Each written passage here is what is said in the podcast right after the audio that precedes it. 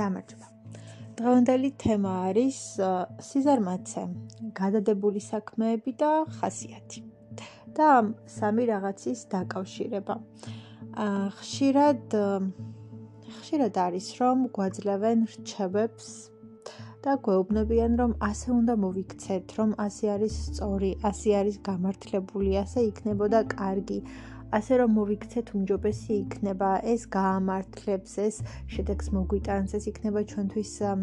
წარმატების მომტანი ამას მოყვება კარგი შედეგი. თუ ჩვენ ასე მოვიქცევით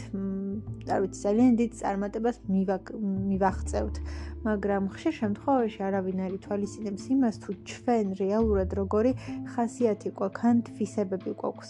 მე მგონია რომ ერთი ადამიანისთვის რაღაც გზა შეიძლება იყოს ძალიან დიდი წარმატების მომტანი მაგრამ მეორე ადამიანისთვის იგივე გზა საერთოდ არაფერს არ ნიშნავდეს და სრულიად უნაყოფო იყოს არანაირი შედეგი არ მოუტანოს, არანაირი განვითარება მოუტანოს, არანაირი წინსვლა მოუტანოს და მოკლედ ვერაფერიც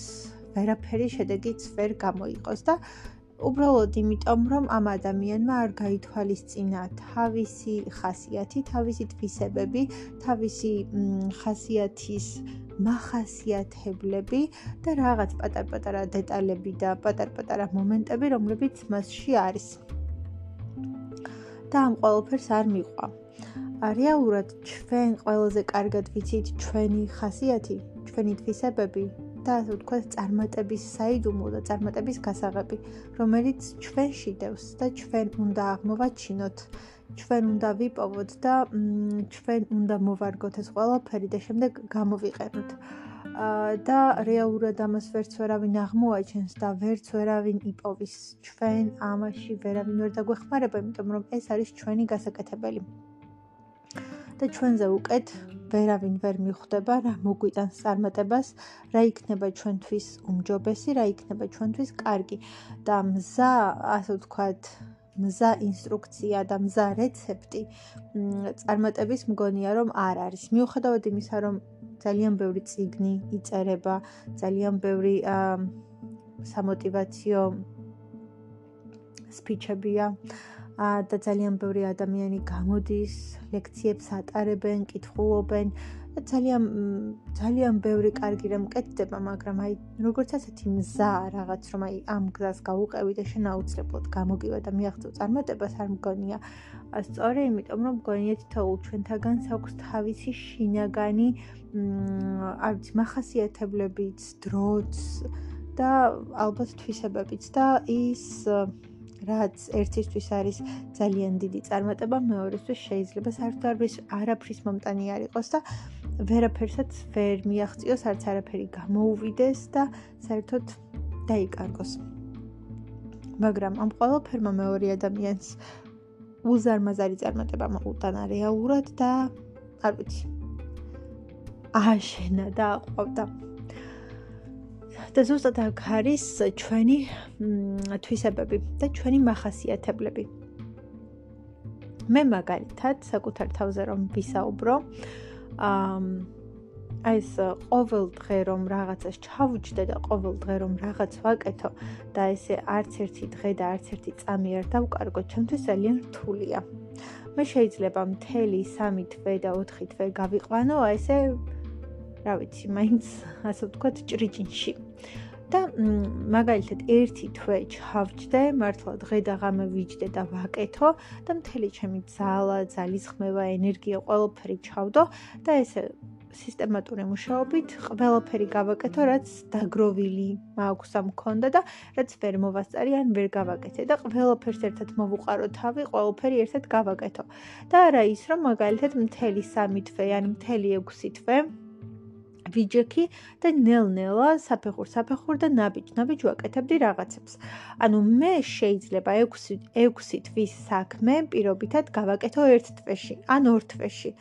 და ჩემთვის ეს უფრო კარგად გამოდის, ანუ როდესაც იმ ერთი თვის მანძილზე ან იმ ორი თვის მანძილზე მთლიანად ვარ მოცული და ჩაფლული იმ საქმეში და მთლიანად ამ ყველაფერს ვაკეთებ და მივუძღვენი მთელი ჩემი დრო, ენერგია და ყველანაირი რესურსი, ასე უფრო კარგი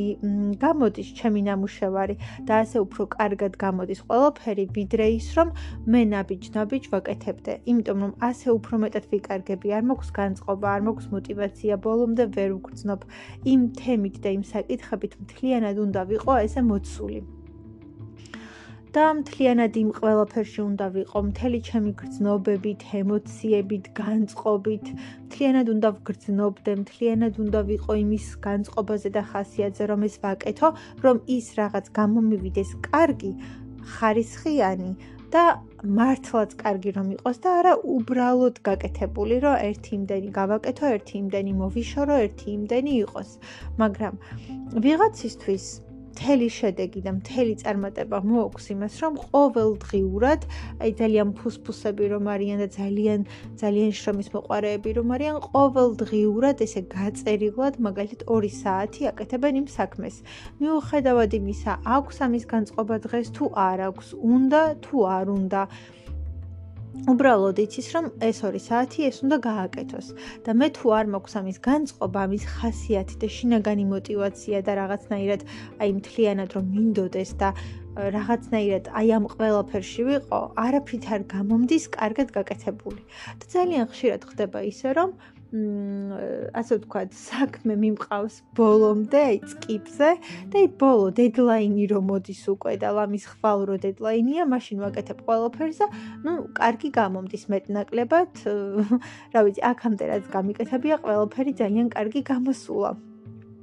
და ყოველთვის გამიკეთებია ესე ერთიანად, ერთბაშად და ძალიან მოკლე დროში, ну, დედლაინამდე რა ვიცოდი, მაგალითად რჩებოდა 1 კვირა ან 10 დღე ან 1 თვე ვიწყებდი მუშაობას, მაგრამ შეიძლებოდა საერთო ჯამში მქონოდა მართლა 6 თვე, მაგრამ 6 თვე მაინც და მაინც ესე თავგადაკვლოთ არ ყოფილიყავი.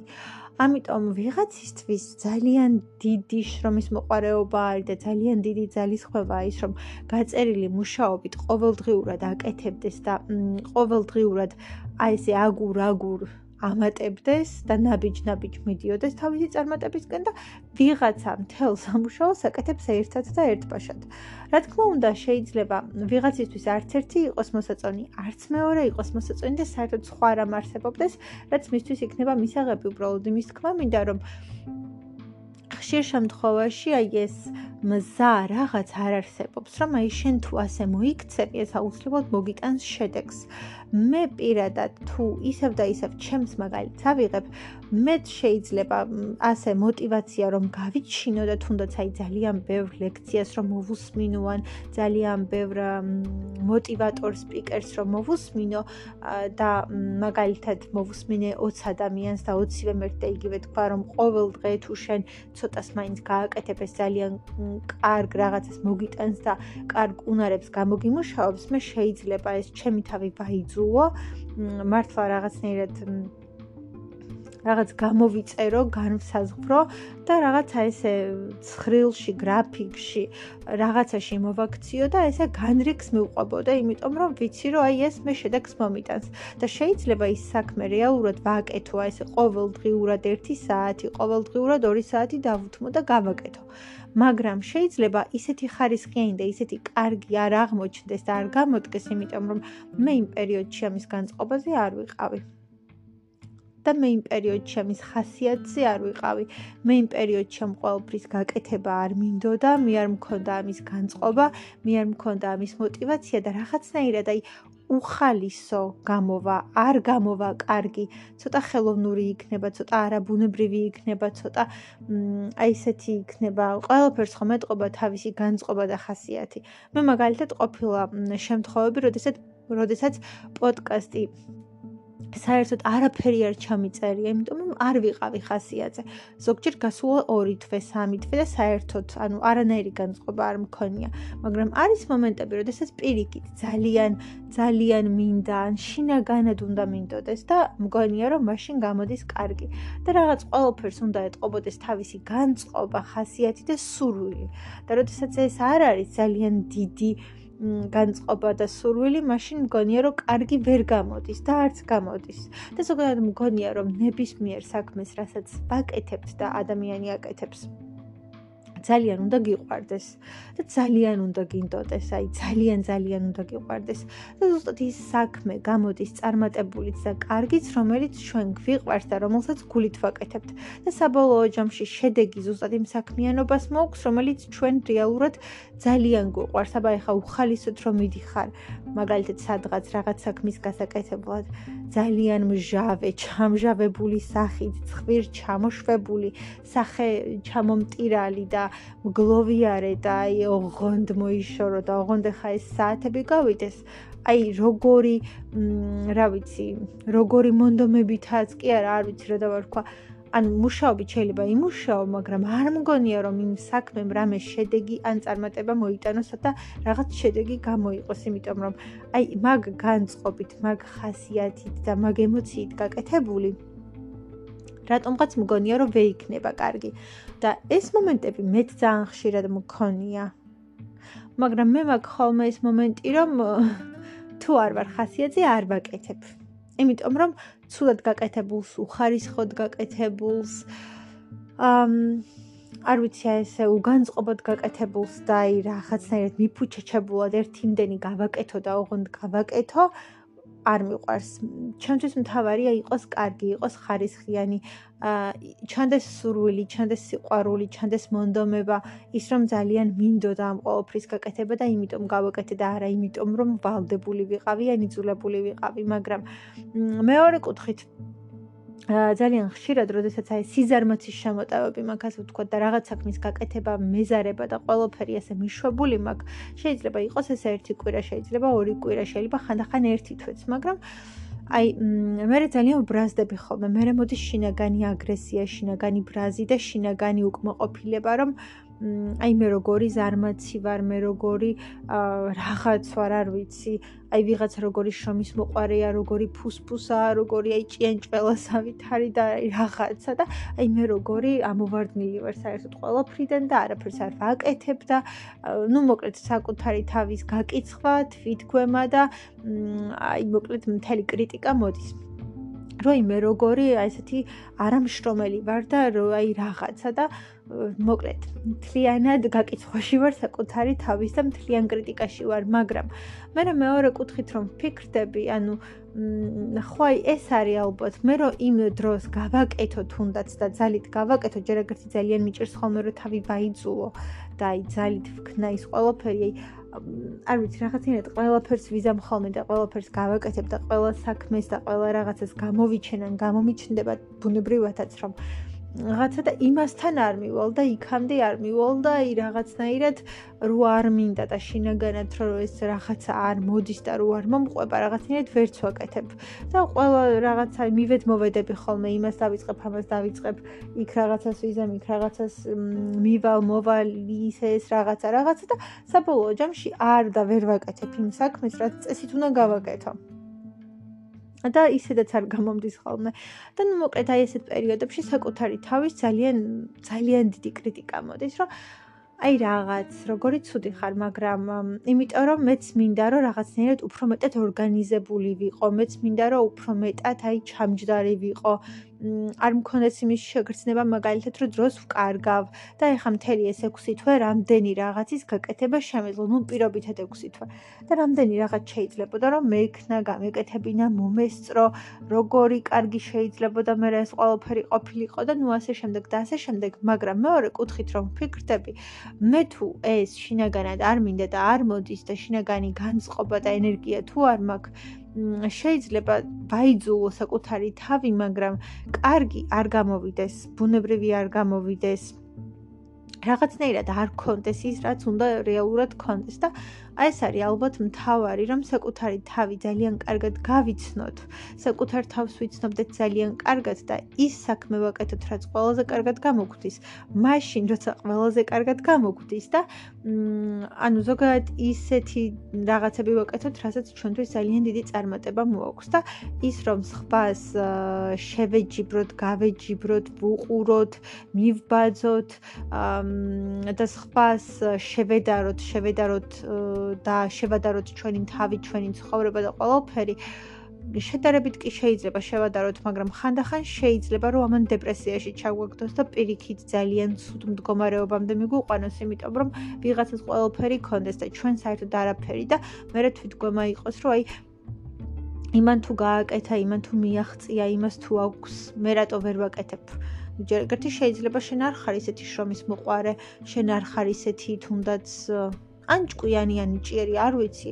ან ხო შრომის მოყარე, ან შენ არ დებ ყველაფერს და შენ არ გასცემ ყველაფერს და შენ არ დებ მთლიან ენერგიას ძალას არ ვიცი ყველაფერს იმისათვის რომ ძალიან დიდ წარმატებას მიაღწიო მიაღწიო და შენ ისიც არიცი იმან რა გააკეთა და რისი დათმობა მოუწია ამ ყველაფრის მისაღებად მაგრამ რეალურად ხო, ну იმას თავისი ხასიათი აქვს, იმას თავისი გამოვლინება აქვს და იმას თავისი რაღაც გზა აქვს და ის ასე მოიქცა და იმ რაღაცა თვისებებით, იმ რაღაცა აქცევებით და გამოვლინებებით მიაღწია კიდე ძალიან დიდ წარმატებას და შენ რეალურად ეს თვისებებით შეიძლება არ გქონდეს და შენ შეიძლება თუნდაც მიბაძო და ზუსტად იგივე გააკეთო, მაგრამ არანაირი შედეგის მომტანი არ იყოს. ამიტომ შენ უნდა ეძებო შენი წარმატების საიდუმლო, წარმატების გასაღები, რომელიც მხოლოდ ჩვენ ვიცით და ჩვენშია, მაგრამ ხანდახან ჩვენც არ ვიცით, იმიტომ რომ არ გვიპოვია, ვერ მივაგენით და ვერ აღმოვაჩინეთ აი ეს ზუსტად რა არის, ზუსტად რას მოაქვს ძალიან დიდი წარმატება ჩვენთვის და ეგ არის მთავარი რომ ამას მივაგნოთ. და სხვას რომ მივბაძოთ, ან სხვას რომ უყუროთ, ანუ ხანდახან შეიძლება რომ მივბაძოთ კიდეც და ჩვენც ასე მოვიქცეთ და ზუსტად იგივე გავაკეთოთ, იგივე გზაც გავიაროთ, მაგრამ ჩვენ არაფერი შედეგი არ მოგვიტანოს, იმიტომ რომ თუნდაც იმიტომ რომ ჩვენ ასეთები არ ვართ, ჩვენ სხვანაირები ვართ, სხვა ხასიათით, სხვა თვისებებით, სხვა מחასიათებლებით, ენერგეტიკით, მიზიდულობით, თუნდაც ადამიანების ხალხის ყურადღების მიპყრობის, არ ვიცი, ყველაფრით. და ჩვენ რაღაცა სხვა გვჭირდება რომ გავაკეთოთ. და მთავარია ეს ვიპოვოთ, რომ რა უნდა გავაკეთოთ. და ხო ხანდახან ან სხვებთან შედარება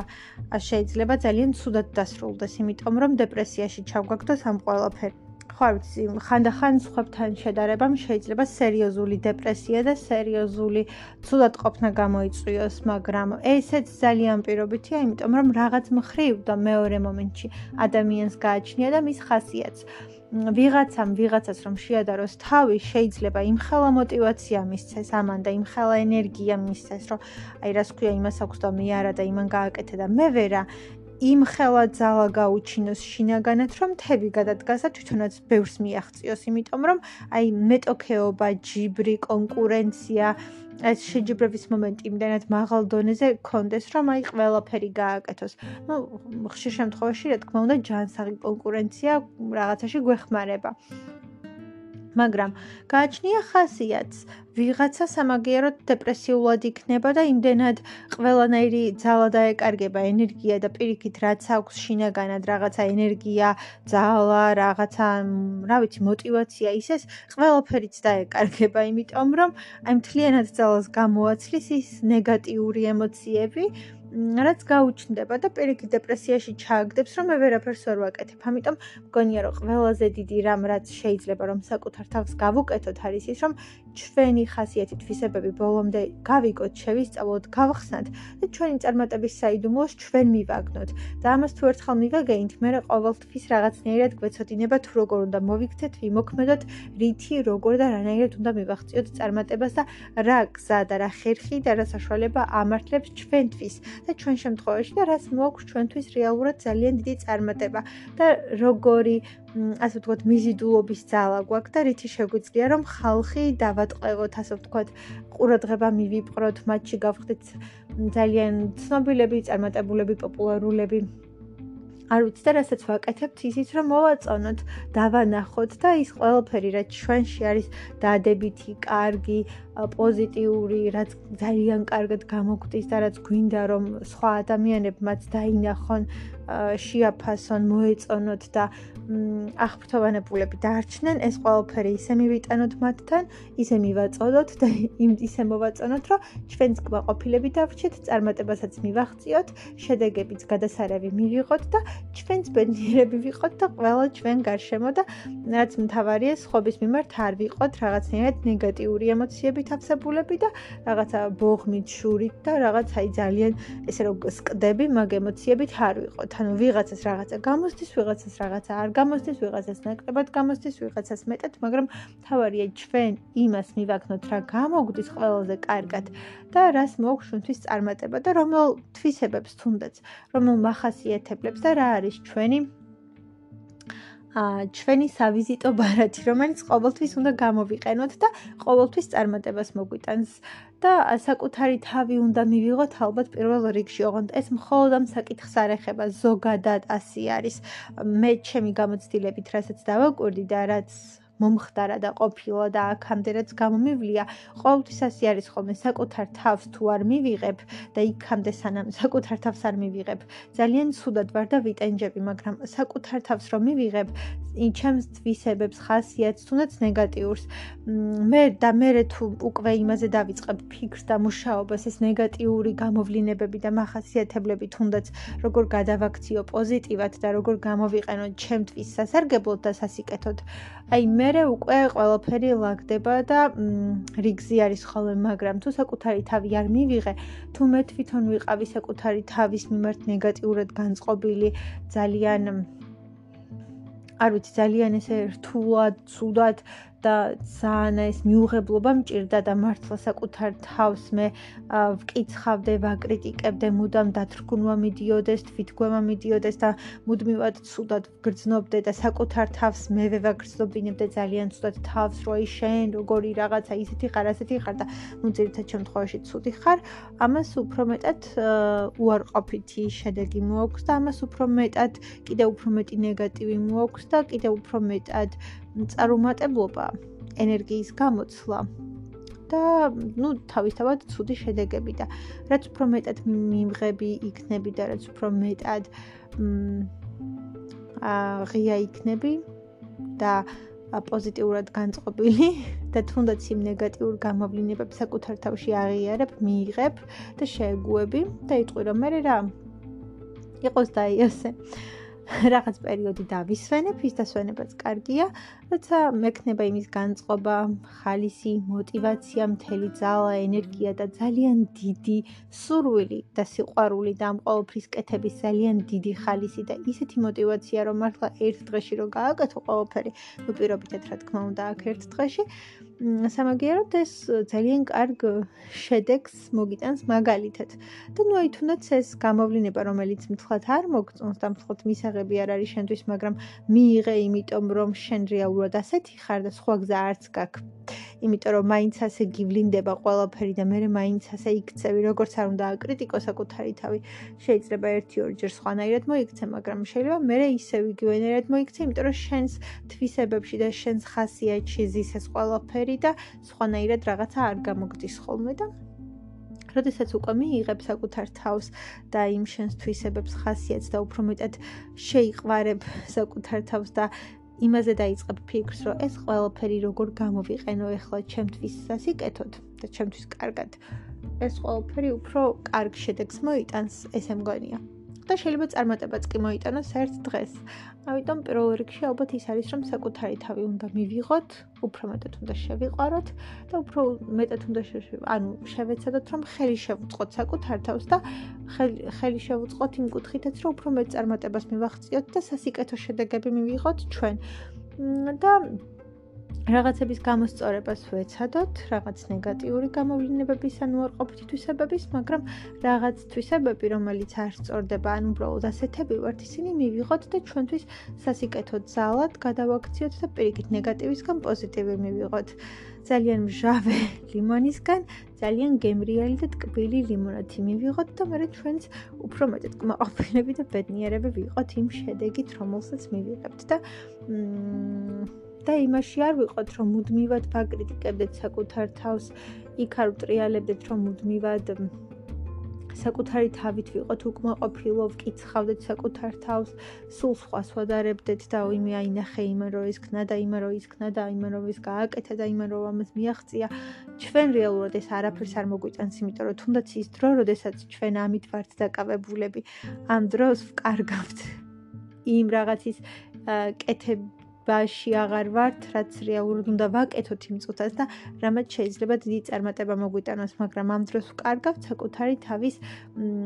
ასე ვთქვათ, დაჩაგვრით და გაკიცხვით და საკუთარი თავის არ ვიცი და დამცირებით ჩვენ ჩვენ ვაკეთებთ ამ ყველაფერს და ჩვენ ვუკეთებთ საკუთარ თავს, რომ აი ძალიან დიდ თვითგვემაში ვართ და რა ვიცი, აი ესე რაღაც ნეგატიურად გამოვხატავთ ყველაფერს და ვკითხავთ, რომ როგორი ცუდი ხარ, როგორი ისეთი ხარ, როგორი ასეთი ხარ და ამ დროს რეალური შედეგი არ დგება, იმიტომ რომ იმ დროსაც როდესაც ჩვენ ამით ხარ დაკავებული, აი მაგ ძალიან ძვირფას და ძალიან ტკბილ დროს, რომელიც უკან აღარასდროს და საერთოდ არასდროს არ დაბრუნდება, კარგავ იმაში, რომ საკუთარ თავის თვითგვემით ხარ დაკავებული. და ამ დროს ეს დრო შეიძლება გამოიყენო რაღაც საქმის გასაკეთებლად, რომელიც სამომავლოდ მოგიტანს წარმატებას. ამიტომ უპირველესი მგონია, რომ მივიღოთ საკუთარი თავები და შევიყვაროთ საკუთარი თავები ისეთები, როგორებიც ვართ და ვეცადოთ, რომ უფრო მეტ წარმატებას მივახციოთ იმ ყველა თვისებით, იმ ყველა מחასიათებლით და გამოვლინებით, რომელიც არის ჩვენში და ჩვენი თუნდაც სუსტი მხარეები უარყოფითი მხარეები. ჩვენი ნაკლი ასე ვთქვათ. ჩვენი ცუდი თვისებები და ყველაფერი რაც არის ჩვენში, ვეცადოთ რომ გამოვიყენოთ ჩვენთვის სასიკეთოდ. და ეს ყველაფერი გადავაქციოთ, ყველანაირი ნეგატივი გადავაქციოთ პოზიტიურად, ყველანაირი ნეგატიური გამოვლინება გადავაქციოთ პოზიტიურ გამოვლინებად და შესაბამისად ის ყველაფერი რაც უარყოფითია ან ნეგატიურია, იმდენად დიდ პოზიტივად ვაქციოთ, რომ ჩვენთვის სასიკეთო ძალად და ჩვენთვის სასიკეთო ენერგიად რომელიც საბოლოო ჯამში და სამომავლოდ მოგვიტანს წარმატებას და შეიძლება ისეთი წარმატებაც მოგვიტანოს, რომელზეც ვერც ვიოცნებებით, ვერც ვიფიქრებით და ვერც ვერასდროს ვერ წარმოვიდგენთ. ამიტომ ეს არის ძალიან ძალიან მნიშვნელოვანი. მე ასე მგონია, რომ პირველი ყველაფერში არის საკუთარი თავის მიღება და საკუთარი თავის მიმღებლობა. ეს თუ გვექნება და ეს თუ ძალიან ძლიერი იქნება ჩვენში, მაშინ ყველაფერი გამოვა, გამოგვივა და ჩვენ ძალიან კმაყოფილები და ბედნიერები ვიქნებით. გისურვებთ წარმატებებს და ყველაფრის გამოსვლას.